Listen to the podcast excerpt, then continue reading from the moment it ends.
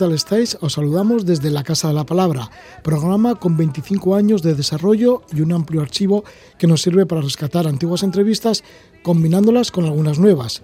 Para empezar vamos a ir con una inédita. Vamos a conversar con Raquel García Ceballos. Ha cruzado Nepal a pie bajo la sombra de los 8000. Tal experiencia le ha dejado tan marcada que regresó para ascender el Pisang Peak de 6.021 metros. Además del aspecto deportivo, también estaba el sanitario, ya que entre los expedicionarios iba un médico que pasaba consulta. También cedieron material escolar y visitaron un orfanato en Katmandú.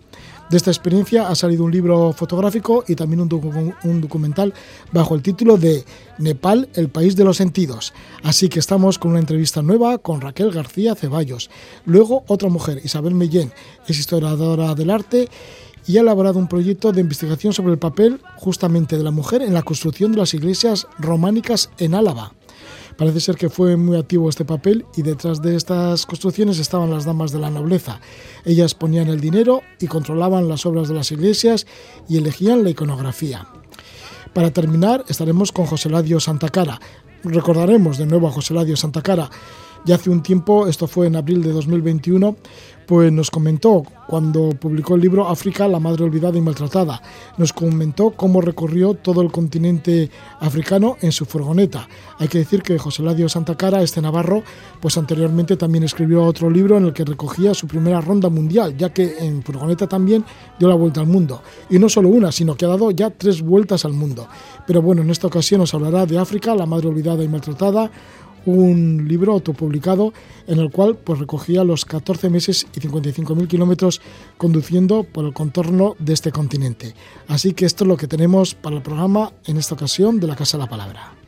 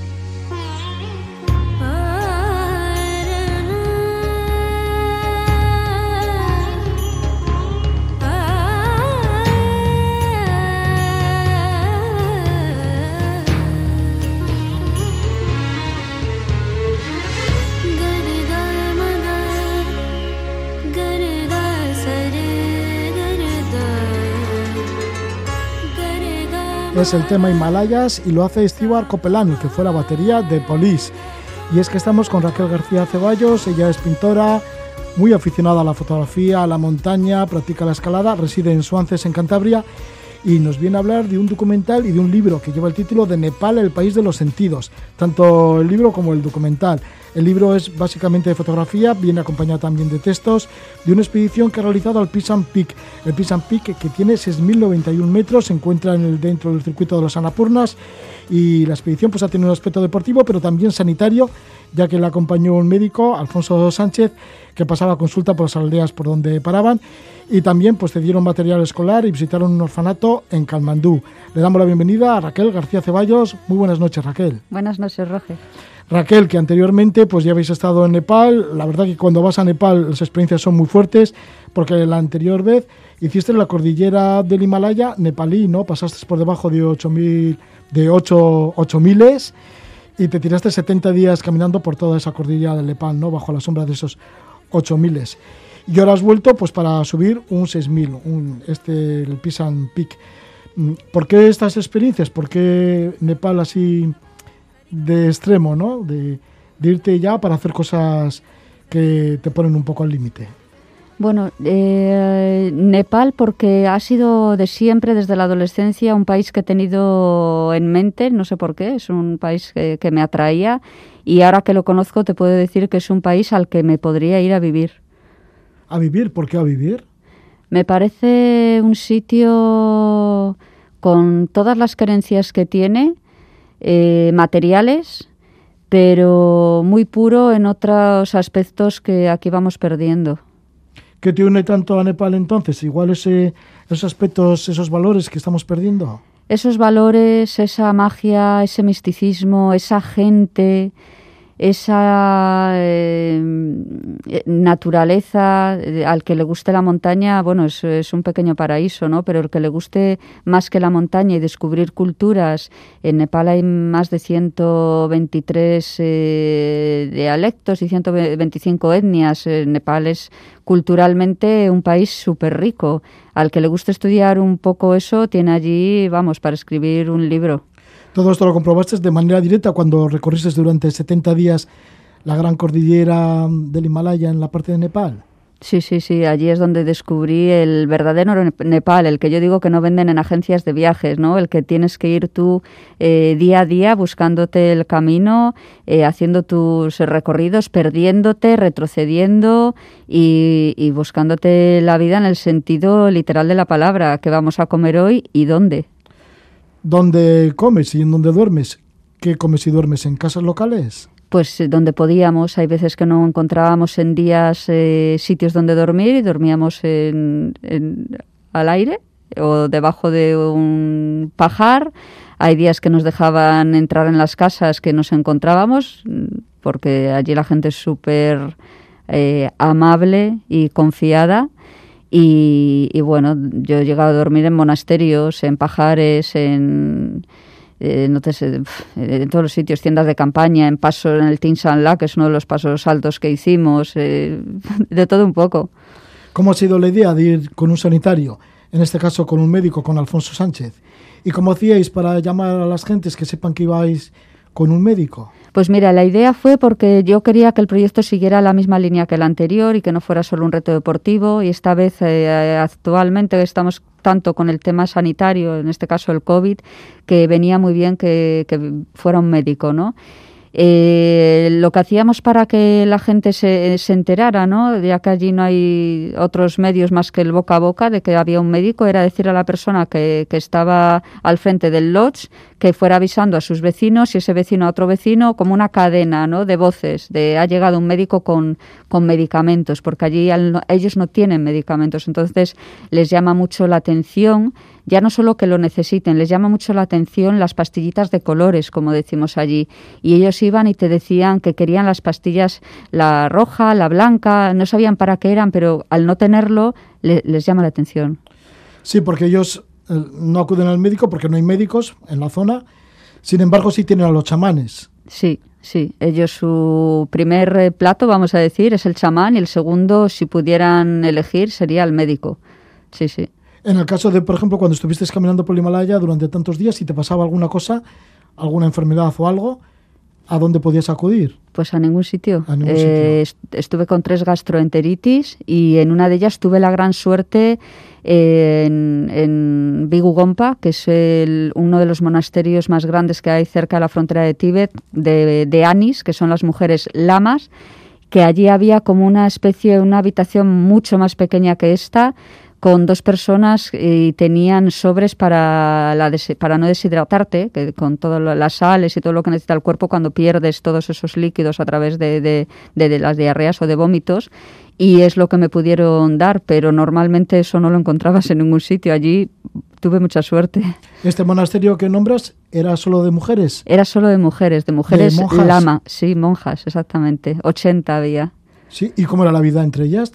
maravillosa, maravillosa. Hicimos ahí un montón de entrevistas. Vamos, a ver, maravillosa desde vista desde el punto de fuera de una persona que nunca ha visto eso y que no ha vivido durante 30 años haciendo eso. Igual llevo allí 10 años o 5 y digo, ya no es tan maravilloso, pero se las veía felices, la verdad. Sí, esta gran caminata que hiciste por el Himalaya fue en el año 2019. La expedición al Pisan Peak fue entre octubre y noviembre de 2021 ¿Cómo resultó el Pisampi? Porque tiene que estar en un sitio bien bellísimo. Bueno, ya se ven las fotografías, que son espectaculares el lugar, ¿no? Estamos hablando de la zona de los Anapurnas, que es uno de los trekkings más famosos del mundo, o el trekking más famoso del mundo. Exactamente, está dentro del circuito de los Anapurnas y todo lo que hemos visto durante la aclimatación ha sido todos los macizos, toda la cordillera de los Anapurnas, el Anapurna 2, el Anapurna 3, el Anapurna 4, todos. y luego la ascensión al Pisan Peak, ¿hay que estar muy preparado para ello? Sí, sí, sí, tanto física como mentalmente, ¿eh? de las dos maneras. ¿Por qué mentalmente? Porque yo mentalmente, más de una ocasión estando allí, cuando ya iba sin fuerzas, decía, ¿quién me mandará a estar aquí? Con lo bien que estaba yo en mi casa y yo sé que ese pensamiento allí le iba a tener, entonces, bueno, era como un poco contra choque, ¿no? Era decir, ¿quién te manda aquí? Y yo misma me respondía, pues yo, llevo un año trabajando en esto, yo quiero estar aquí. Yo misma me ayudaba, entonces mm, psicológicamente tienes que estar muy preparado para saber que allí te va a jugar eh, malas pasadas la, la mente, diciendo que quieres abandonar. Sí, quieres abandonar, ¿por qué? Por el mal de altura, por los vientos, por la aclimatación, por el frío. Mira, yo el frío es lo que mejor he llevado, eso sí lo eh, puedo sacar en muy positivo de esta expedición, y la altura es lo que peor he llevado, pero de los errores se aprende y en la próxima expedición que haga sé que tengo que hacer algún campamento más de altura en vez de directamente hacer uno o dos y después a la cima estar un poquito más. Sí, porque finalmente estuviste a punto de llegar a la cima, pero no con lo conseguiste, ¿no? Llegar a los 6.091 metros del Pisan Peak.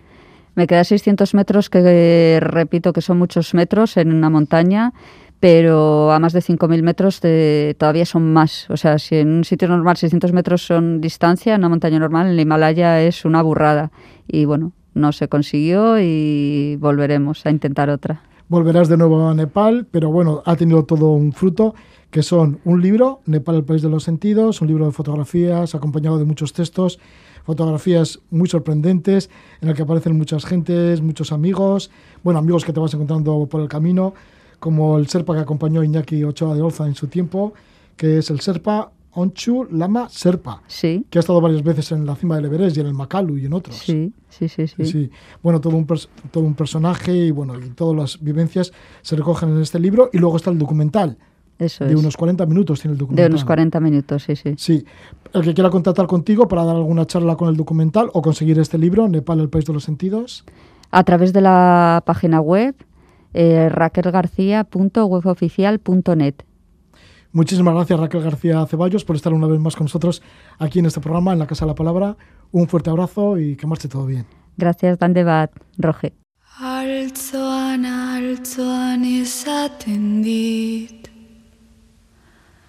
Igotzeko emeki emeki eskatzen dit Urbiltzeko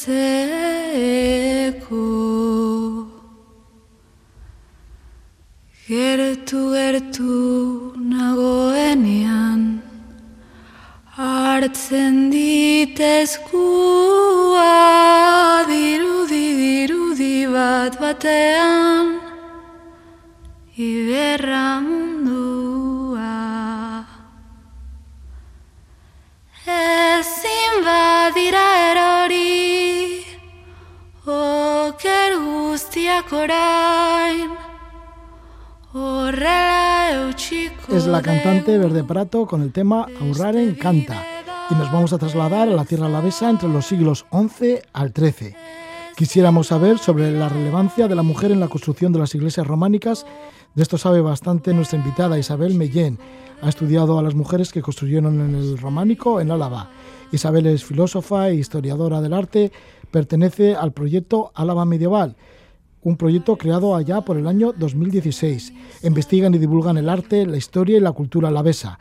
Tienen la sede en el santuario de Estíbaliz, joya del románico en el País Vasco. Le vamos a preguntar a Isabel Mellén sobre este estudio que ha relacionado a las damas medievales alavesas con la construcción de las iglesias románicas. Estamos con ella, con Isabel Mellén. Muy buenas noches, Gabón, Isabel. Gabón Roge, buenas noches. Bueno, pues fíjate lo que has estudiado, ¿no? La relación entre las iglesias románicas en Álava y las mujeres, las mujeres que tenían bastante poder en el mundo rural. Así que has encontrado una relación estrecha entre ambos mundos, entre las iglesias románicas y estas mujeres. Pues mira, Roja, me he topado con un tema absolutamente fascinante. Y es que cuando empecé esta investigación no pensaba que iba a encontrar tanta información ni que esa relación fuese tan estrecha como al final ha resultado ser, ¿no? Y es que, claro, eh, tenemos que tener en cuenta que nos han vendido una Edad Media eh, oscura, misógina, pero es una Edad Media inventada. Digamos que nos la hemos inventado recientemente, en el siglo XIX, XX y en el siglo XXI. Y esa es como un poco eh, el paraguas con el que nos íbamos a enfrentar a ese periodo histórico que muchas veces es, muy desconocido, ¿no? Con toda esa serie de estereotipos y prejuicios que luego cuando vas a investigarlo, cuando te acercas a los edificios, cuando lees la documentación, que aunque es escasa la que nos ha llegado de esos siglos, tenemos y podemos sacarle y exprimirle el jugo que conserva, te das cuenta de que ni edad oscura, ni misoginia, hombre, bueno, tenían un sistema patriarcal también, pero digamos que no tan agresivo como el que se ha vivido en el siglo XX o en el siglo XIX, ¿no? Por ejemplo. Y también eh, eso permite sacar a la luz el verdadero papel de las mujeres, no solamente en la construcción del románico, sino eh, dentro de toda su sociedad. Y te das cuenta de que es muchísimo lo que contribuyeron a la historia vasca y muchísimo lo que nos han dejado también construido eh, su voz, que la convirtieron en piedra, en pigmento y nos la dejaron para disfrutar de todo nuestro, de todo ese patrimonio que ellas crearon por todas las tierras vascas, ¿no? Y la verdad es que es un tema absolutamente apasionante. Ya para empezar, rompes con la imagen oscura de las iglesias románicas, porque no debía ser así. Nada que ver, si es que además eh, esa imagen oscura, digamos, la hemos creado desde nuestros siglos con las restauraciones. Afortunadamente conservamos en el País Vasco eh, y también concretamente en Álava bastante pintura mural medieval, no toda la que nos gustaría, pero las muestras de pintura que nos han quedado en los templos románicos nos ofrece un panorama absolutamente luminoso. Es decir, las pintaban de color blanco, eh, añadían detalles en, color rojo y entrar a una iglesia completamente pintada de blanco con la iluminación de las ventanas, aunque sean escasas, la verdad es que te da una sensación de amplitud, de luminosidad, que nada tiene que ver con esa, esa imagen oscura que tenemos un poco en nuestro imaginario popular. Y claro, las restauraciones se han dedicado a rascar muchas veces esas pinturas y han oscurecido la Edad Media. En esos prejuicios nos han creado unas iglesias que no eran así en origen, sino todo lo contrario. Espacios oscuros regidos por una iglesia omnipresente, pero parece ser que tampoco la iglesia era muy omnipresente en estas construcciones. Pues la verdad es que en el caso que yo he estudiado, que es el caso vasco, eh, la iglesia tenía más bien poquito poder en nuestra zona. Tenemos que tener en cuenta que bueno, en el siglo XI eh, existió, desde el siglo IX al XI, un, obispado eh, ubicado en Álava, con la sede en Armentia o en lugares como Velella, la antigua Iruña Velella, pero que desapareció en esos siglos. ¿no? Y desde entonces toda la zona vasca recayó en manos del obispado de Calahorra que es un obispado que está muy lejos de nuestras fronteras y por lo tanto lo tienen un poquito complicado para asentar su poder por aquí, ¿no? Además, los grandes centros monásticos se encontraban pues en La Rioja, que es de donde pues hacen donativos las grandes familias vascas, o también nos los encontramos en la zona de Navarra, en Aragón, pero nuestro territorio estaba un poco a salvo de, esos focos de, de poder religioso.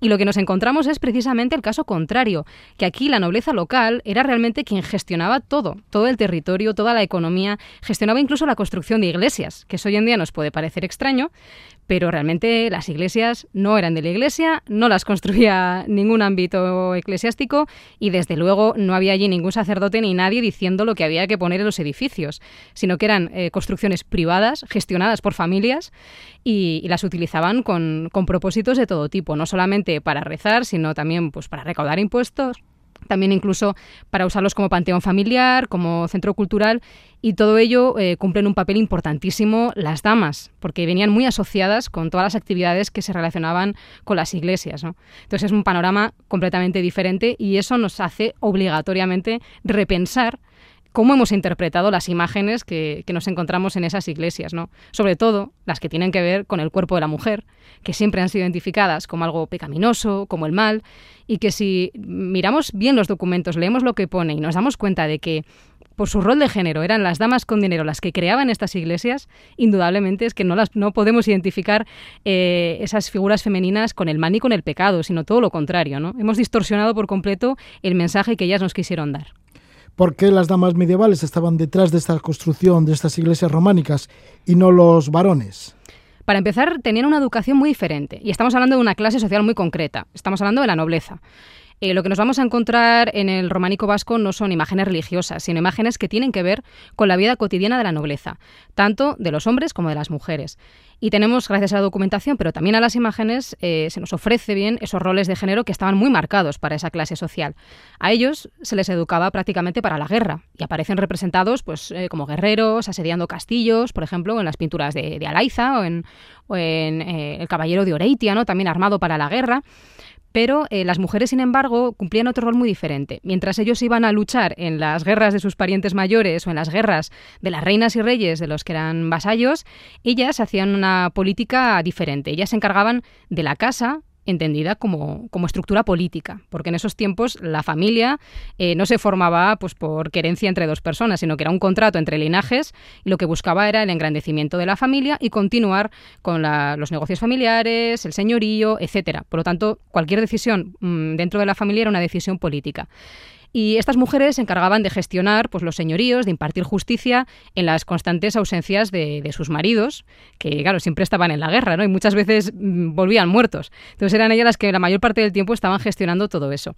Y el tema de las iglesias en ese momento era eh, una propiedad privada más, como podía ser un molino, como podían ser unas casas. Era una propiedad que estas familias que tenían recursos, las damas, creaban eh, con el propósito, pues primero eso de recaudar eh, rentas de, las personas que acudían allí y dejaban su donativo, pero es que también era un lugar simbólico muy importante para los linajes, porque los utilizaban de panteones familiares. Entonces, claro, enterraban allí a sus difuntos y las imágenes que van decorando el templo pues son generalmente rostros de nobles y de damas, es decir, están representando a la familia, se están representando ellas a sí mismas, ¿no? Además, por educación también, ellas eh, les enseñaban destrezas artísticas. No nos tenemos que imaginar unas damas analfabetas que no tenían idea de nada. Hemos dicho que gestionaban señoríos, por lo tanto, recibían educación pensada para ello, ¿no? Y, por ejemplo, a través de, tradiciones como el bordado, ellas aprendían esas destrezas artísticas, sabían más de religión, tenían una educación más religiosa que, que los varones, y además siempre estaban muy vinculadas con el ámbito funerario. En ellas recaía todo el tema de cuidado de los difuntos, de hacer los rituales, y todo eso se hacía en, esas iglesias privadas que ellas creaban a ese efecto, ¿no? Por eso, por ejemplo, las pinturas de, de Alaiza, en las que se representa súper bien, eh, por un lado, lo que hacen los varones de la época y por otro lado, las mujeres, a ellas las vemos asociadas siempre con la casa y con las iglesias que aparecen allí representadas. Son ámbitos femeninos y sin embargo los hombres aparecen asediando el castillo, que es las tenencias, la lucha, la guerra, ese es el ámbito masculino. Así que estas damas eran muy educadas en asuntos relacionados con las artes. Bueno, aparte de, la, de los bordados y también hasta la creación poética. Efectivamente. Además, en los funerales hay una tradición preciosa que hacían las mujeres medievales, que era, bueno, eran bercholaris. Ellas improvisaban, cantaban en dechas o heresiac en los funerales de sus eh, difuntos, de sus eh, parientes, bien hermanas, marido, quien fuera, ¿no? y, se ponían delante de un auditorio a, pues eso, a improvisar versos con los que elogiaban a la familia, a los difuntos que allí estaban.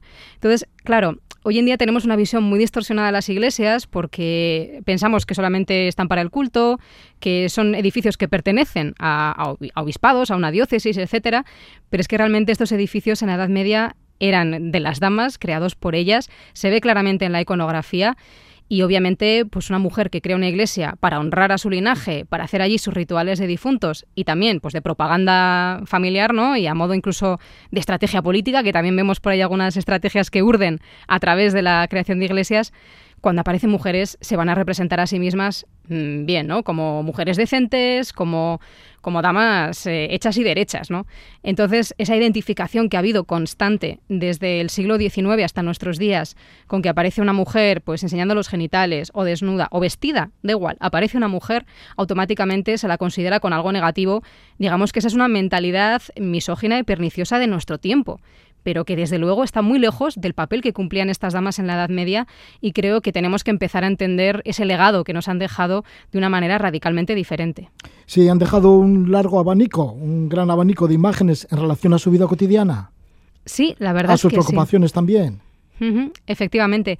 Ahí están sus aspiraciones. Sobre todo lo que se percibe es eso, es la idea de familia cuando, a pesar de que sabemos que por la documentación y, también por un poco por el rol de género de la época en el caso de las damas anónimas, que no siempre sabemos quién estaba detrás de la construcción de estas iglesias, que bueno, ellas eran las, las encargadas de crear eh, toda esa iconografía, generalmente no se representan solas, a veces sí aparecen solas o aparece una madre y una hija, ¿no?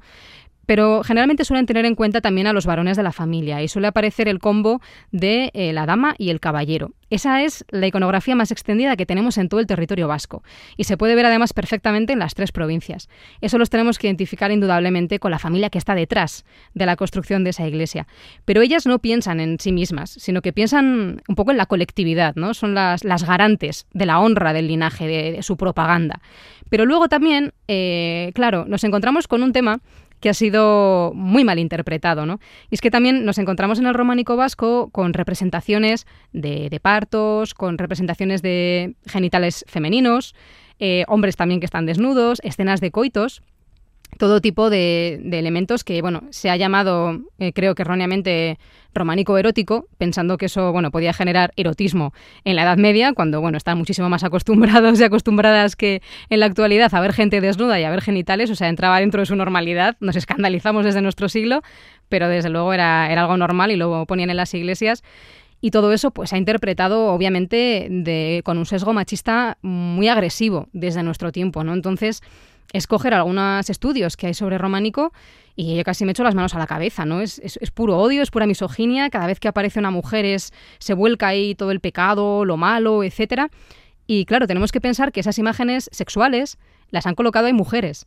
Entonces, eh, ahí tenemos que reflexionar y pensar el por qué pudieron hacer tal cosa, ¿no? Y desde luego no es ni con un motivo erótico ni para mostrar que eso estaba mal, sino todo lo contrario, es casi una forma de reivindicación de uno de sus roles de género más importantes en el caso de las damas de la nobleza y que más las ponía en riesgo, que es el tema de generar hijos para el linaje. De hecho, yo lo denomino la guerra de las mujeres, porque ellos se jugaban la vida asediando castillos o luchando en batallas, pero es que ellas se jugaban la vida, algunas prácticamente todos los años, dando a luz a hijos para perpetuar el linaje. Y muchas eran las que morían en ese intento, ¿no? Entonces, claro, toda esa representación de escenas sexuales, de genitales, de mujeres pariendo, yo creo que entronca un poco con, primero, ese miedo a, que, a un momento difícil de la vida, que todo vaya bien, que, todo suceda sin incidentes. También igual a, concitar un poco la buena suerte, ¿no? Pedir que, bueno, pues tener hijos y tener muchos y que todo salga bien, ¿no? Y sobrevivamos todos al parto.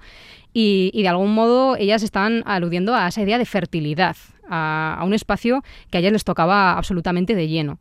Entonces, claro, de interpretar eso como el pecado, el mal, eh, o algo erótico, mm, casi pornográfico, ¿no? A, de esta manera, entenderlo desde el punto de vista de las damas, creo que cambia bastante la película y hasta ahora no me he encontrado, al menos en este país, ningún estudio que, que reflexione sobre esas imágenes tan, tan polémicas o que nos llaman tanto la atención en nuestro tiempo desde un punto de vista femenino. Es la primera vez que se hace y que claro, es que, es que tenemos que mirarlo así, si eran ellas las que efectivamente estaban detrás de la elección de la iconografía, de la construcción de esos edificios y desde luego pues las ideas de los monjes quedaban bastante lejos de nuestro territorio. Sí, estas mujeres medievales, ¿no? que ejercían este mecenazgo con estas obras de arte que aparecían en estas iglesias románicas, que luego otros las ejecutaban, pero bueno, sería según su mandante y según las escenas que ellas querían que aparecieran. Efectivamente, yo suelo poner como ejemplo cuando hacemos una reforma en casa. Es que las iglesias era parte de su patrimonio, era mm, pues como quien tenía una casa, quien tenía un molino, ¿no? Entonces tú cuando estás eh, dirigiendo un poco lo que la reforma que quieres hacer en tu hogar, lo que haces es decirle al albañil lo que quieres, al electricista dónde quieres poner las luces, etcétera, y ellos lo ejecutan, ¿no? También se le ha dado mucha importancia a, los canteros, los talleres de cantería, porque también había mujeres trabajando en esos talleres y como si tuvieran ellos pues el libre albedrío de colocar allí lo que les diera la gana. Pero es que mm, viendo un poco las imágenes y conociendo en profundidad el contexto en el que nacieron, el contexto histórico, el contexto social, eh, cuáles eran los roles de, de, las personas que vivían en, esa, en ese tiempo, desde luego que no hay tanta imaginación como les presuponemos, sino que más bien pues obedecían y acataban órdenes. Pero, pero es lógico, ¿no? Y además, em, claro, en ese momento no existía todavía la heráldica que más adelante sí que vamos a ver en nuestras iglesias. Ya en el gótico, a partir del siglo XIII, empieza a existir la heráldica y ya vamos a ver como cualquier construcción de un linaje va a aparecer plagado de arriba abajo de escudos nobiliarios identificando de quién es eso, ¿no? Pues en este momento preheráldico, en el que todavía no había esa marca, esa seña de identidad, lo que se hace es colocar retratos, retratos de la familia, que obviamente eh, en ese momento las personas sabrían perfectamente pues, quién eran las personas propietarias, a quién se estaba refiriendo cada uno de esos rostros, y que claro, llegado a nuestro siglo, con la falta de documentación, pues han quedado un poco ahí en el vacío, ¿no? Pero desde luego todo esto obedece a, un plan orquestado por estas damas que, tenían que hacer estos edificios, y como digo, también en ellos incluso podemos percibir, que esto es muy curioso, cuáles son sus tendencias políticas o eh, de quiénes eran vasallas, ¿no? Porque nos encontramos incluso a veces con, ya en épocas avanzadas, hacia finales del siglo XII, principios del XIII, con eh, escudos de reinas y de reyes. Es decir, nos están diciendo que esa familia, que igual no sabemos su nombre, que estaba allí, eh, pues le debía esa relación de vasallaje pues, a una reina o a un rey concreto. Se puede extraer muchísima información pensándolo, no tanto desde el lado religioso, que vemos que no, tenía mucho que ver en nuestro territorio, sino más bien desde los intereses políticos de, la nobleza, eh, de, la élite local de ese tiempo.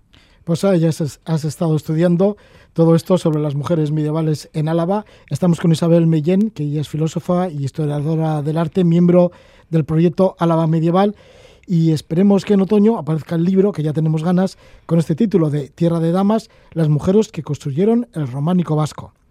Pues efectivamente, si todo sale bien, eh, en otoño tendremos ese libro que, bueno, comentar que las personas que les interesa este tema, si nos buscan en nuestras redes sociales, en nuestra página web, van a encontrar más información sobre esta investigación que hemos ido soltando algunas pequeñas píldoras porque no nos aguantábamos más.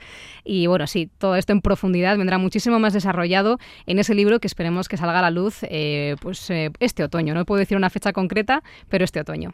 Pues esperamos esa tierra de damas. Muchísimas gracias por estar con nosotros, Isabel Mellén, y por habernos adelantado de qué trata este libro.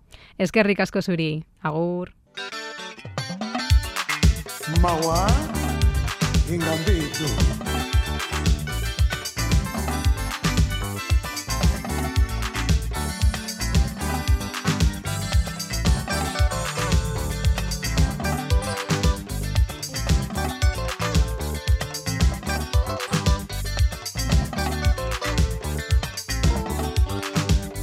oye oh yeah, mama.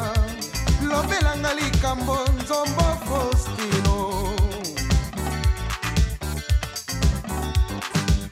nasiliki ya solo o oh, nasiliki.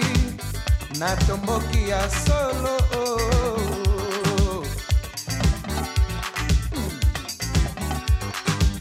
oponinga libala ozangi lisusu konfiance yo mobali. Nzoto motema ezali se lioko nga na yo tozala boye babengi mariage tozalaka molongo ya sombo nazwi exame mpo ya bomoto na ngai. Tosali mariage kasi okozanga konfiance na yango.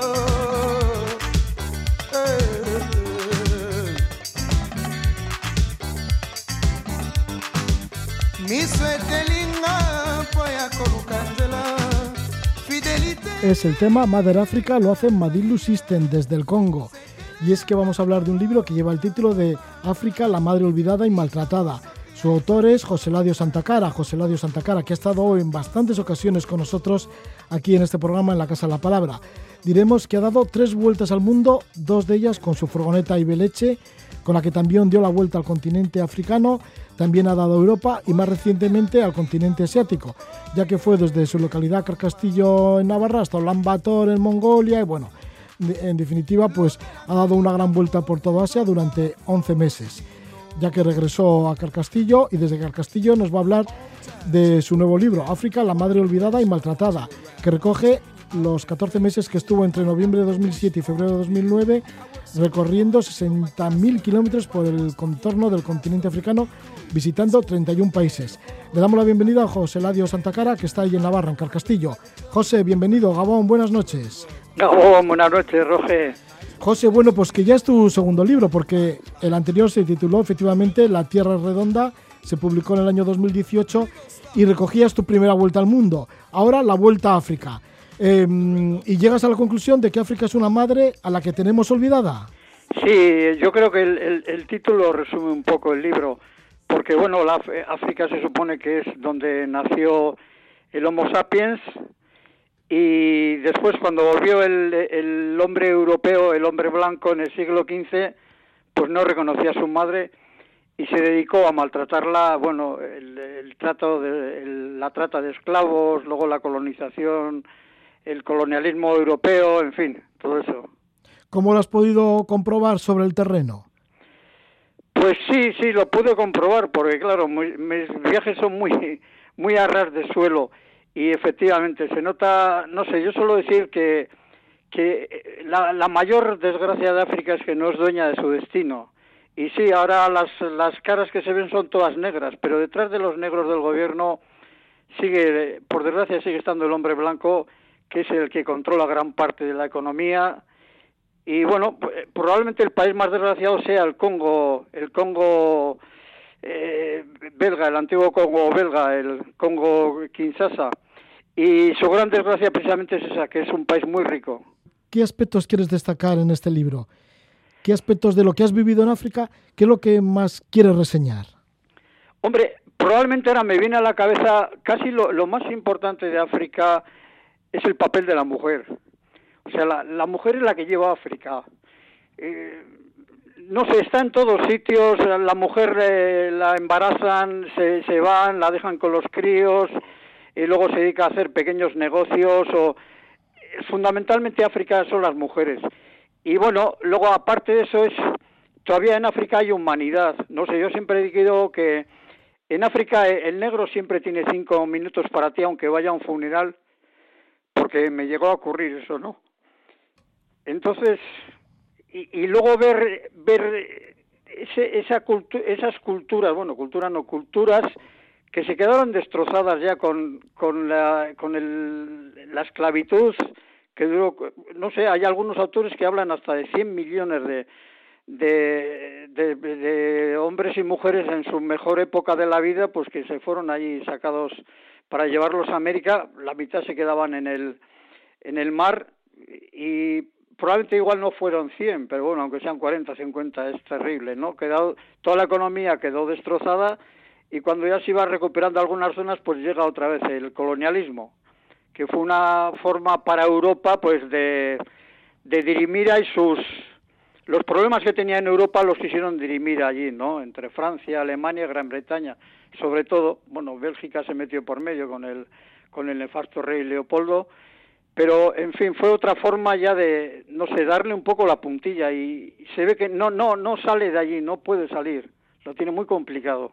Y sí, te han contado ellos que todavía está esa fuerte huella de la colonización. Ya has nombrado a Leopoldo II, que dominó lo que es ahora la República Democrática del Congo, antes el Congo, el Congo belga, pero las gentes del lugar, incluso, bueno, pues también sé que en Costa de Marfil estuviste con una monja navarra que también te habló un poco de la situación de, de, mi pueblo. De tu pueblo. Ah, de Carcastillo, además. Sí, sí, sí, claro.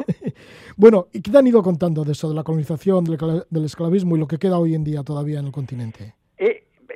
Es una cosa muy curiosa porque lo observan otras zonas también en América, lo observé, que en África hay una especie de amor-odio hacia el hombre blanco, ¿no? El hombre blanco pues llevó allí la, eh, la tecnología, la gran industrialización, toda esa serie de cosas, pero a la vez los destrozó, incluso físicamente los aniquiló, ¿no? Las, las matanzas que hay allí de los gereros en, Namibia y en otras zonas son tremendas, ¿no? Para conquistarse todo un continente.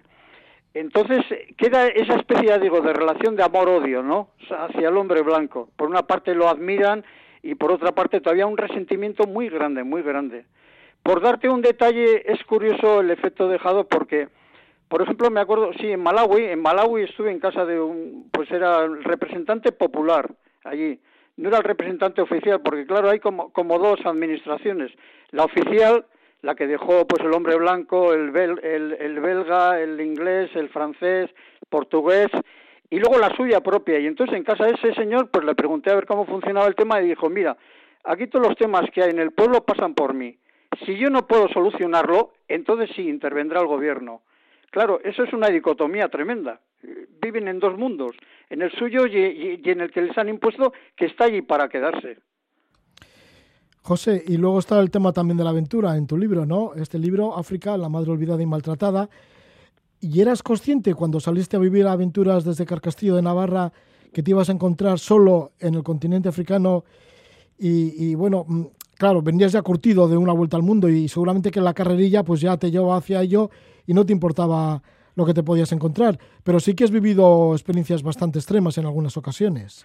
Claro, e-, eso es curioso porque, porque lo pongo en la, la introducción del libro de África, digo que a nadie se, lo, se me ocurriría eh, decirle que vaya a África en las condiciones que yo fui. O sea, eso es, eh, no sé, tener todos los boletos para no volver. Bueno, yo pude volver, pero, pero muy mal, porque la camioneta no, no estaba en condiciones. Era, es una tracción delantera, nada más, ni siquiera está elevada, no tiene tomas de aire elevadas. Las ruedas son de 15, o sea, son relativamente pequeñas. Pero bueno, me pudo el corazón. Dije, voy a ir a África y voy a ir a África, ¿no? Entonces sí, no, África, África es algo, es una experiencia tremenda porque, bueno, es casi todo en zona tropical, entonces tienes época de lluvia y épocas secas, pero es, es prácticamente imposible agarrar todo en época seca.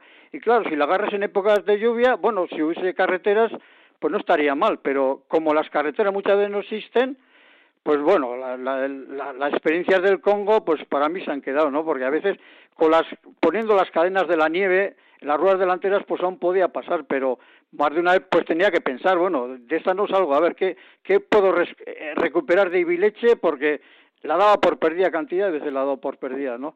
Y luego, claro, el tema político, pues hay, hay sitios que el gobierno no controla, no controla zonas del país y también otra vez me está acordando, esto fue en el Congo Brazzaville, eh, pues pasé un control de la, del, del ejército y no me cobraron nada. Me dice, pero de aquí a 40 kilómetros tienes un control de la guerrilla, esos te cobrarán.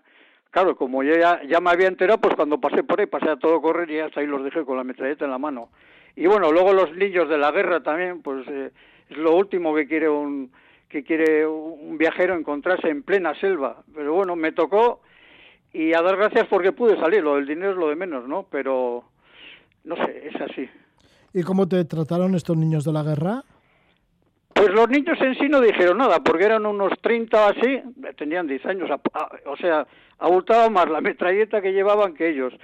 Pero eh, estaban al mando de, un, de, otro, del señor de la guerra que estaba allí, que decía que, claro, tenía que cuidar de ellos, y los niños pues no dijeron mucho. Ahora, tampoco puede decir nada. Yo le saqué una sonrisa que es que es que te que es que sé, le dices en francés, ¿no? Y bueno, que vengas a hablar con el jefe y, y, todas esas cosas y, y mucho cuidado porque los niños si se si les da por disparar disparan. O sea están educados para eso. Les han hecho igual matar a sus padres para para que luego puedan intervenir en cualquier guerra y hagan la barbaridad que hagan no es una de las grandes lacras de, de África. Entonces muchas veces pues bueno a ver si puede salir si no pasa nada. Bueno no pasó nada en esa esa ocasión pero sí África es una aventura constante y seguirá siendo por mucho tiempo todavía Sí, porque también has estado por países que cuando llegaste tú habían pasado ya una guerra. Puede ser el caso de Costa de Marfil o de Angola. O también estuviste en Mali, ¿no? Que continúan ahí en un conflicto bastante crudo. Bueno, eso es otra cuestión curiosa, porque ahora mismo el viaje que yo hice eh, sería arriesgadísimo, probablemente con un 99% de, de quedarte allí, porque a Mali ahora es muy complicado ir, porque bueno, hay unos movimientos allí guerrilleros muy extraños, que curiosamente muchos de ellos han salido después de la guerra de Libia y cada uno saque sus, sus conclusiones. Y entonces ya digo, hay zonas que están, pero peor todavía que estaban. No sé, yo tuve grandes problemas en, Nigeria, pues probablemente la, Lagos, la capital más peligrosa que he visto ahí. Tres veces me tuve que marchar allí, pero pero bueno, pasar las medianas de las autopistas eh, que había en medio de la ciudad porque te venían eh, encima para, para hacerte cualquier cosa. Por los que estaban, como ahí no hay policía ni hay nada, entonces, no sé, al final es tener suerte, lo que yo digo. O sea, tienes que, llevas planificado, pero como no tengas suerte, pues no, no sales de ahí. Fin, yo la tuve, ¿qué le vamos a hacer? Lo único, bueno, eh, Sudáfrica sí tuvo un ataque de un negro, pero un negro que no se me podía pasar aquí, pues bueno, pues un, un indeseable de allí. Y todo porque estaba con unas chicas negras también allí. No sé, cosas que pueden pasar. Sí, esto fue en el Parque Nacional de Kruger, ¿no? Que te pusieron en el cuello una descarga eléctrica. Sí, era al lado. O sea, yo salí del Parque Kruger, sí, sí. Mm. Estaba con las chicas estas. Eh, luego, al final, hablando claro en plata, la culpa fue en parte mía, porque yo me metí a un gueto que ellas no conocían. El día anterior había estado con ellas en el gueto, pues ellas trabajan en el Kruger, me llevaron en su gueto y, nada de maravilla, lo pasamos, pero formidablemente todos allí, y yo era el único blanco. Pero claro, al día siguiente me llevan un gueto que ni ellas lo conocían. Ellas mismas estaban asustadas. Claro, el, el problema de racial existe y existirá por bastante tiempo allí en Sudáfrica, ¿no? Entonces, claro, yo sabía que no tenía que entrar allí, pero bueno, a veces a los viajeros nos pasa eso, que nos metemos en, en problemas incluso sabiendo que puede haber problemas, pero que te lleva allí, no sé, ese afán de aventura, esa cosa, ¿no? Y, sí, hay que andarse con más cuidado que en otros, en otros sitios. Sí, por suerte te llevaron enseguida al hospital, allí estuviste 15 días, más luego otros tantos ya de recuperación y seguiste con tu furgoneta, con Ibileche. Y luego, fíjate, con el tiempo ya, en esto ya creo que fue en Tanzania, cuando tuviste el primer accidente de tu vida.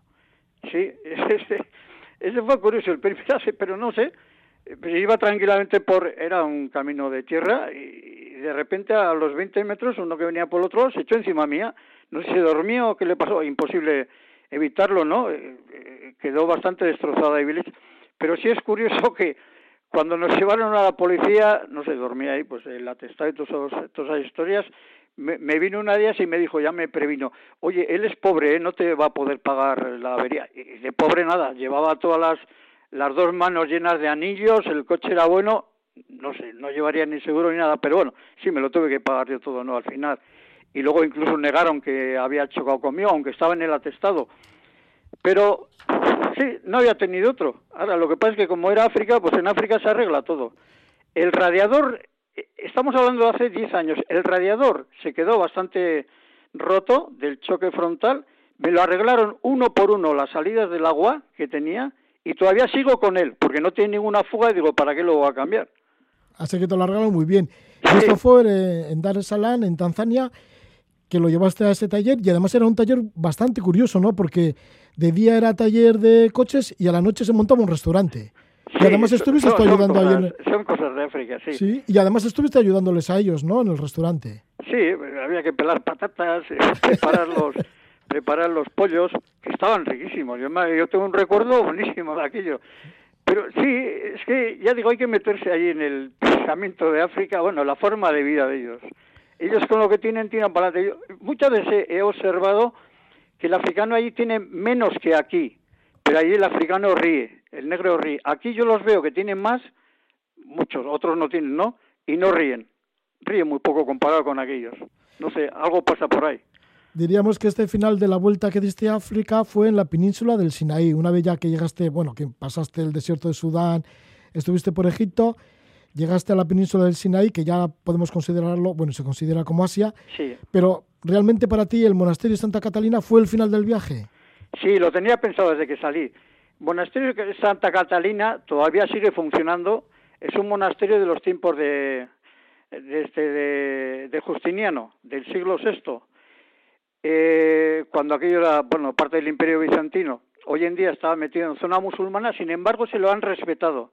Eh, ahí sigue, ahí sigue en una eh, comunidad ortodoxa y se le respeta. Y bueno, tenía esa idea de acabarlo allí. Claro, cuando llegué allí lo vi, pues te pasa por la cabeza en un momento, no sé, en, décimas de segundo te va pasando todo el viaje de repente, ¿no? Y dices, lo he conseguido. Y bueno, pues es una satisfacción. Y tanto que una satisfacción, pues fíjate, conocer gran parte de los países del continente africano en esa vuelta al, continente, que lo hiciste por, su entorno, pero bueno, también a veces te introducías, pues por ejemplo, cuando estuviste en Zambia, Zimbabue, en Botswana y así, por el África Austral, también por el interior del continente.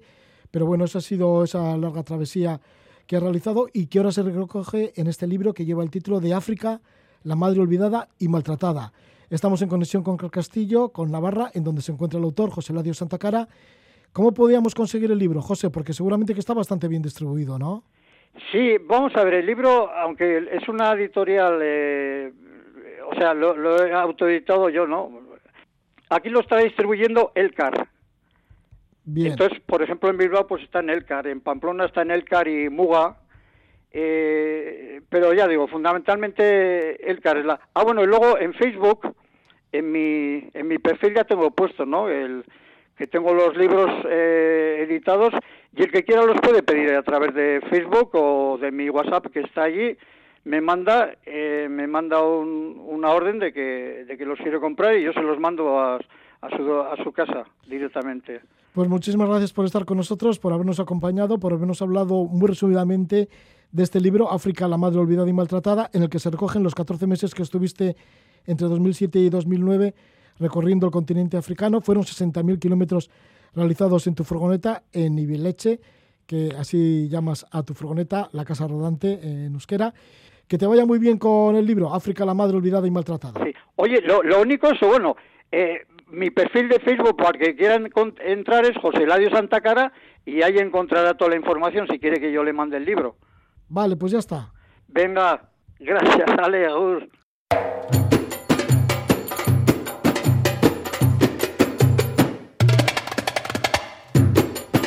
José Ladio Santa Cara con la sensibilidad a flor de piel cuando recuerda sus andanzas por el continente africano. Nos lo ha contado desde Cascastillo, desde Navarra. Nos ha hablado de su libro África, la madre olvidada y maltratada. Escuchamos la música de Fantastic Negrito. Que sea lo mejor de lo mejor, que vaya todo muy bien.